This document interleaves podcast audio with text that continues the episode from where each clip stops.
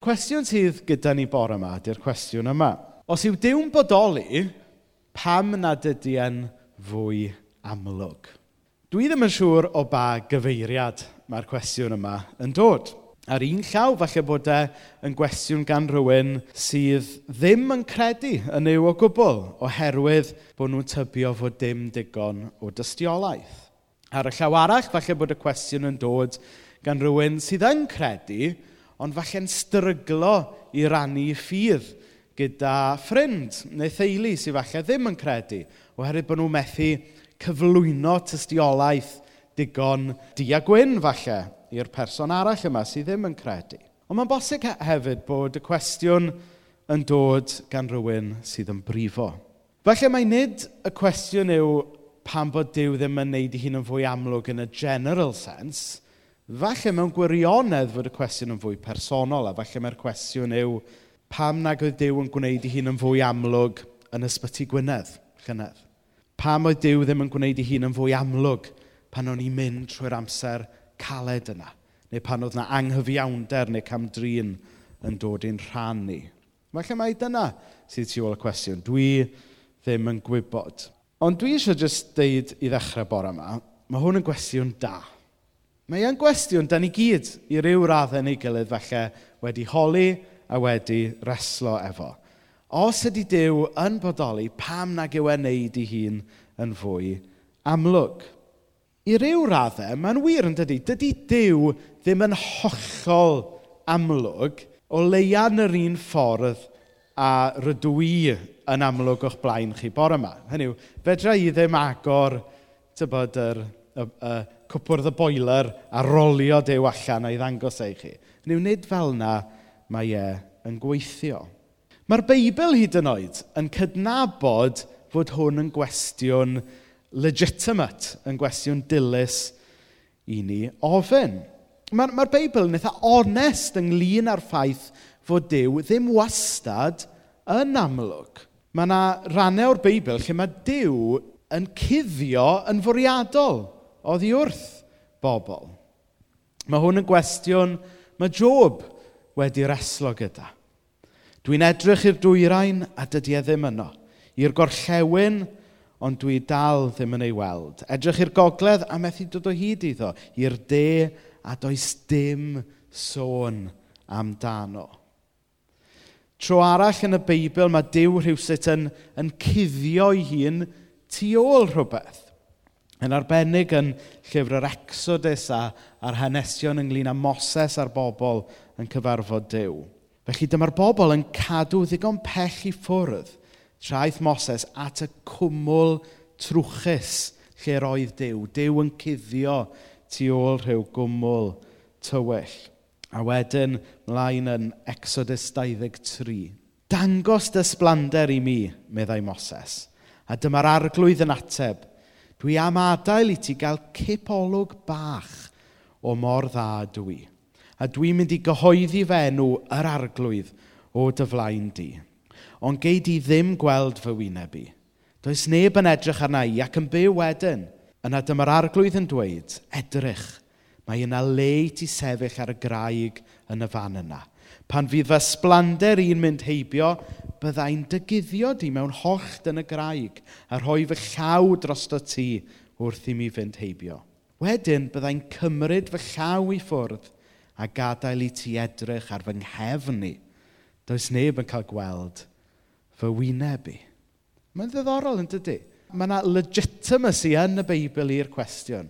Achos mae Dyw rhywsut yn dewis cuddio'i hun. Achos bod e mor fawr, mor sanctaidd, nes bod ni bron methu handlo fe am bwy yw e.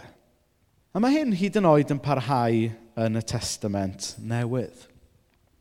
Yn Iowan 12, mae Iesu'n gwahodd pobl i drystio ynddo fe, a wedyn mae e'n gadael ac yn cuddioddi wrthyn nhw. Mae e fel kind of, you see me, now you don't. Yn Iowan penod 5, i ni'n darllen stori am ddyn wedi cael ei barlysu. Mae'n cael ei iachau, ond wedyn mae Iesu'n hytrach na bod yna yn cymryd y clod i gyd, mae e'n slipio i ffwrdd ac yn cuddio yn y dorf.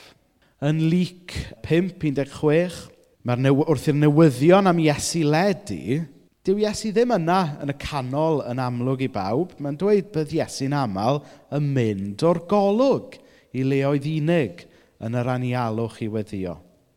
Wedyn yn ola, yn Iwan 14-19, ni'n darllen bod Iesu yn dweud wrth i ddisgyblion, cyn hir, fydd y byd ddim yn fy ngweld i eto, ond byddwch chi yn fy ngweld i.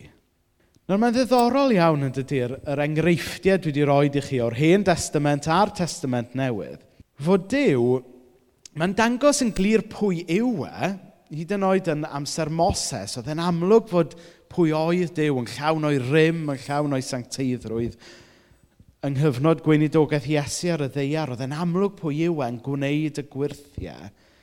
Ond eto, oedd e'n cuddio rhywbeth o gyflawnder pwy oedd e. Oedd e'n dangos digon, ond ddim yn dangos y cyfan fel petai. Nawr pam?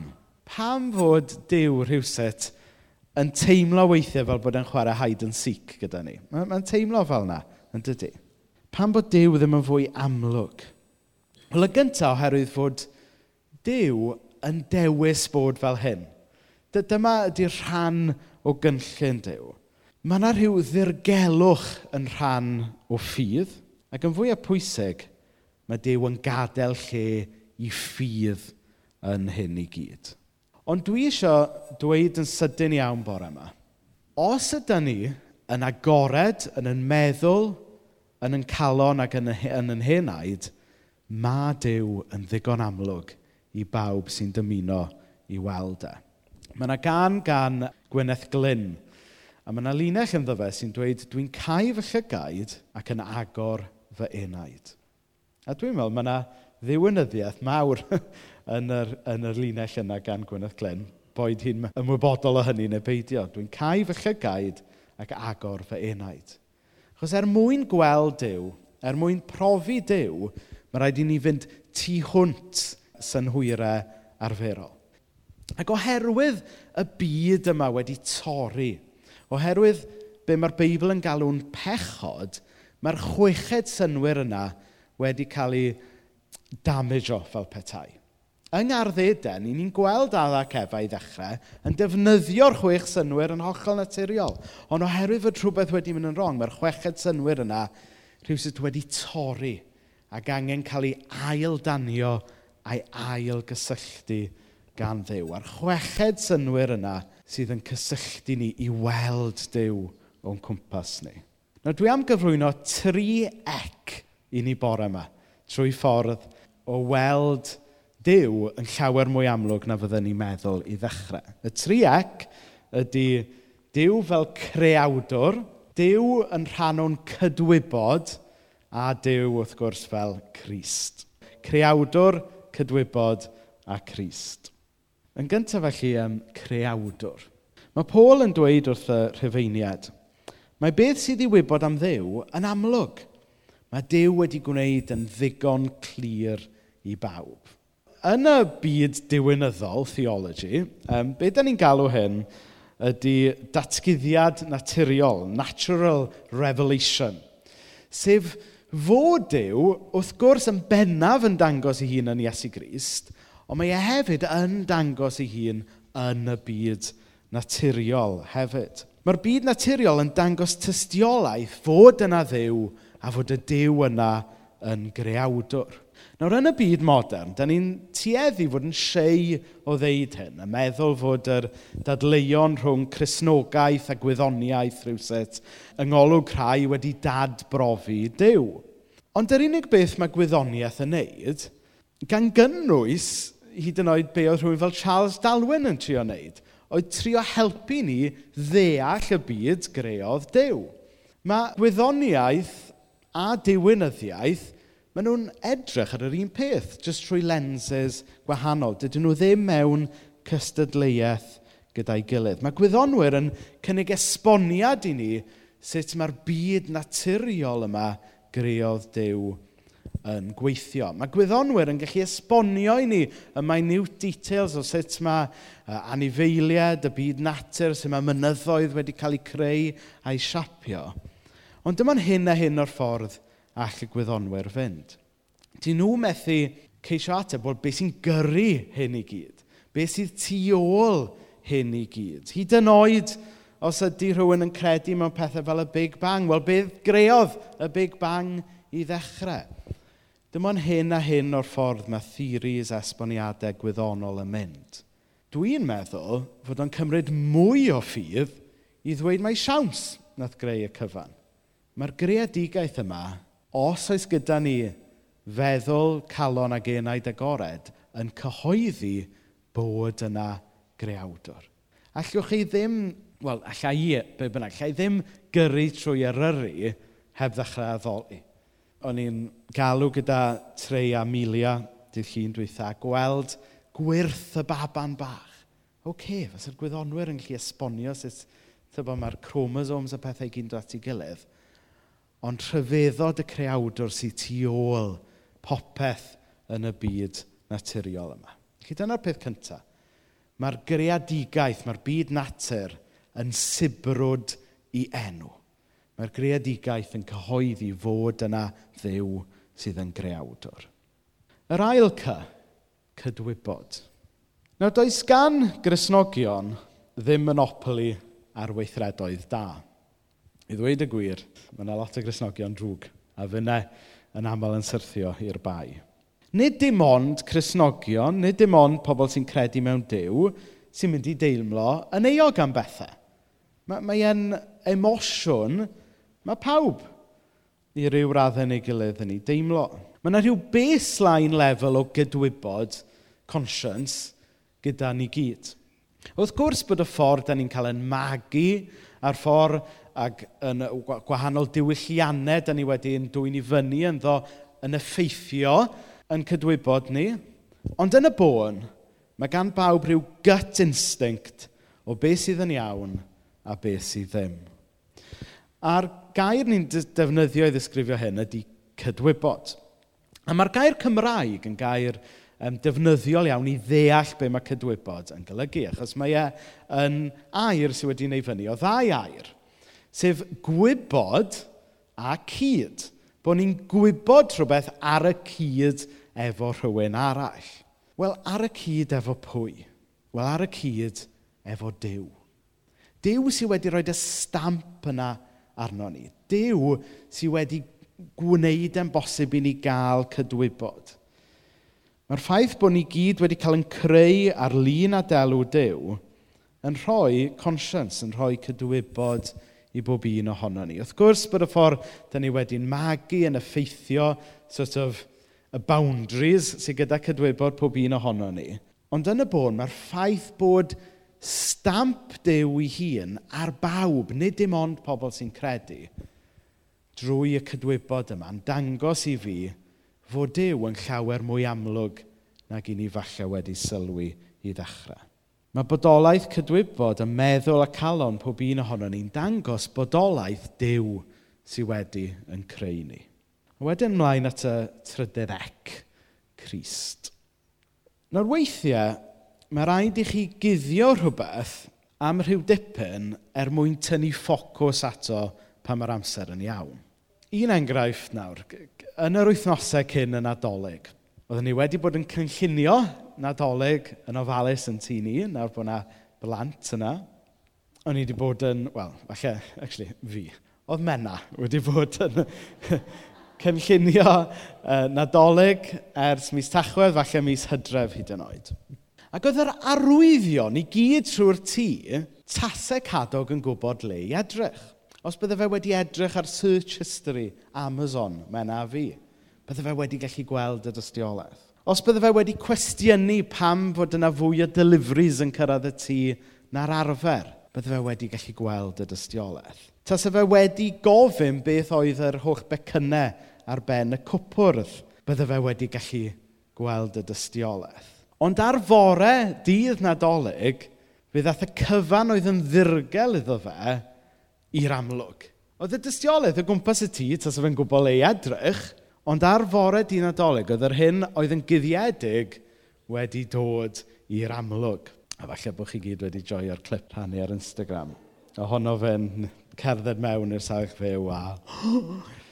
A wedyn codi rhyw anreg a dyd. Pwy sy'n llunio'r impression gorau? Ie, yeah, beth yw'r peth trwm yma? Be bynnag. Ond chi'n deall yr illustration yn dydych? Chi'n deall yr illustration? Mae'r greadigaeth yn sibrwd enw Dyw. Mae'n cydwybod ni yn sibrwd enw Dyw. Ond yng Nghyst, mae e'n dod yn hollol amlwg i bawb. Mae'r hyn oedd yn guddiedig neu'r hyn sydd wedi cael ei awgrymu, yr hyn sydd wedi sibrwd, yng Nghyst yn dod yn glir i bawb. A mae'r adnodau hyfryd yma o, o'r llythyr at yr Hebreaidd. Yn y gorffennol pell, roedd Dyw wedi siarad gyda'n hynafiaid ni drwy'r proffwydi. Gwnaeth hyn bob yn dipyn ac mewn gwahanol ffyrdd, ond bellach. Yn y cyfnod olaf hwn, mae wedi siarad â ni drwy ei fab. Mae Dyw wedi dewis rhoi popeth sy'n bodoli yn eiddo iddo fe. Yr un oedd gyda Dyw yn gwneud y bydysawd. Mae holl ysblander Dyw yn disgleirio honno. Mae e'n dangos i ni'n berffaith sut un ydy Dyw. Nawr falle fod y ffordd mae Dyw yn dewis dangos hun yn fwyaf clir i ni yn Iesu Grist, yn awgrymu ni pa fath o berthynas mae eisiau gyda ni. Dyw Dyw ddim eisiau perthynas oer sy'n seliedig jyst ar ffeithiau. Dydy Dyw ddim yn datgelu hun i ni mewn rhyw scientific diagrams neu rhyw mathematical spreadsheet. Mae e'n dangos hun yn fwyaf clir i ni mewn person. A mae hwnna'n dweud rhywbeth wrthyn ni ynglyn ar dew i ni'n credu ynddo. Mae e'n dweud ni fod e'n ddiw sydd eisiau perthynas gyda pobl. Dwi e ddim yn ddiw sy'n gorfodi hun arno ni fel just rhyw ffet accompli. Mae e'n datgelu hun i ni mewn person. Person sydd yn dangos cariad, person sy'n dangos tosturi, person sydd eisiau ni gredu a'i ddilyn e. Felly er bod y cread yn cyhoeddi fod yna ddiw, er fod yn cydwybod ni, yn nydro ni tuag at ddiw. Crist sy'n gwneud Dyw yn fwyaf amlwg i ni. Ond mae hyn yn ond ac yn ond mawr. Hyd yn oed yng Nghyst, mae dal angen ffydd yn does. Dyw e ddim just yn, just yn rhyw ffaith da ni just yn take it or leave it. Yn y diwedd, mae rhaid i bawb gymryd gam mewn ffydd i weld Dyw yn Iesu Grist a'i gredu a'i addoli a'i ddilyn. Mae Dyw yn wneud yn glir bod e eisiau pobl i weld e, bod e eisiau perthynas efo pobl. Ond dydy Dyw ddim yn y busnes o orfodi hun ar neb. A jyst i orffen, dwi am rannu'r um, dyfyniad yma gan Blaise Pascal. Rwy'n yn gwybod pwy oedd Blaise Pascal? Oedd e'n Oedd yn Gristion, ond oedd yn fwy enwog fel mathemategydd a dyfeisiwr a fe nath sort of wneud y prototype, y, y calculator gyntaf. Dyna Blaise Pascal calculator.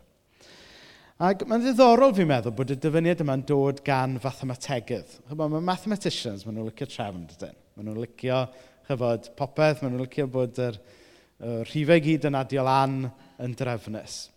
Ond oedd Blaise Pascal yn gristion. Ac oedd e'n gweld mai hyn a hyn o'r ffordd oedd hi oedd ei fathemategedd a'i wyddoniaeth e'n gallu mynd a fe i ddeall y bydysawd a deall fe ei hun. A dyma mae'n dweud. In faith, there is enough light for those who want to believe and enough shadows to blind those who don't. Felly yn y diwedd, cwestiwn ffydd ydy hyn, ynddo? Ydyn ni'n hapus yn cuddio yn y cysgod? Neu ydyn ni'n camu i'r goleuni? Ydyn ni'n gweld Dyw yn y greadigaeth. Ydyn ni'n cydnabod fod stamp Dyw ar yn cydwybod. Ac ydyn ni wedi gweld Dyw yn Iesu Grist. Yng ngweddi i'w bore yma bod ni gyd yn camu i'r goleuni. Goleuni Iesu Grist. Amen.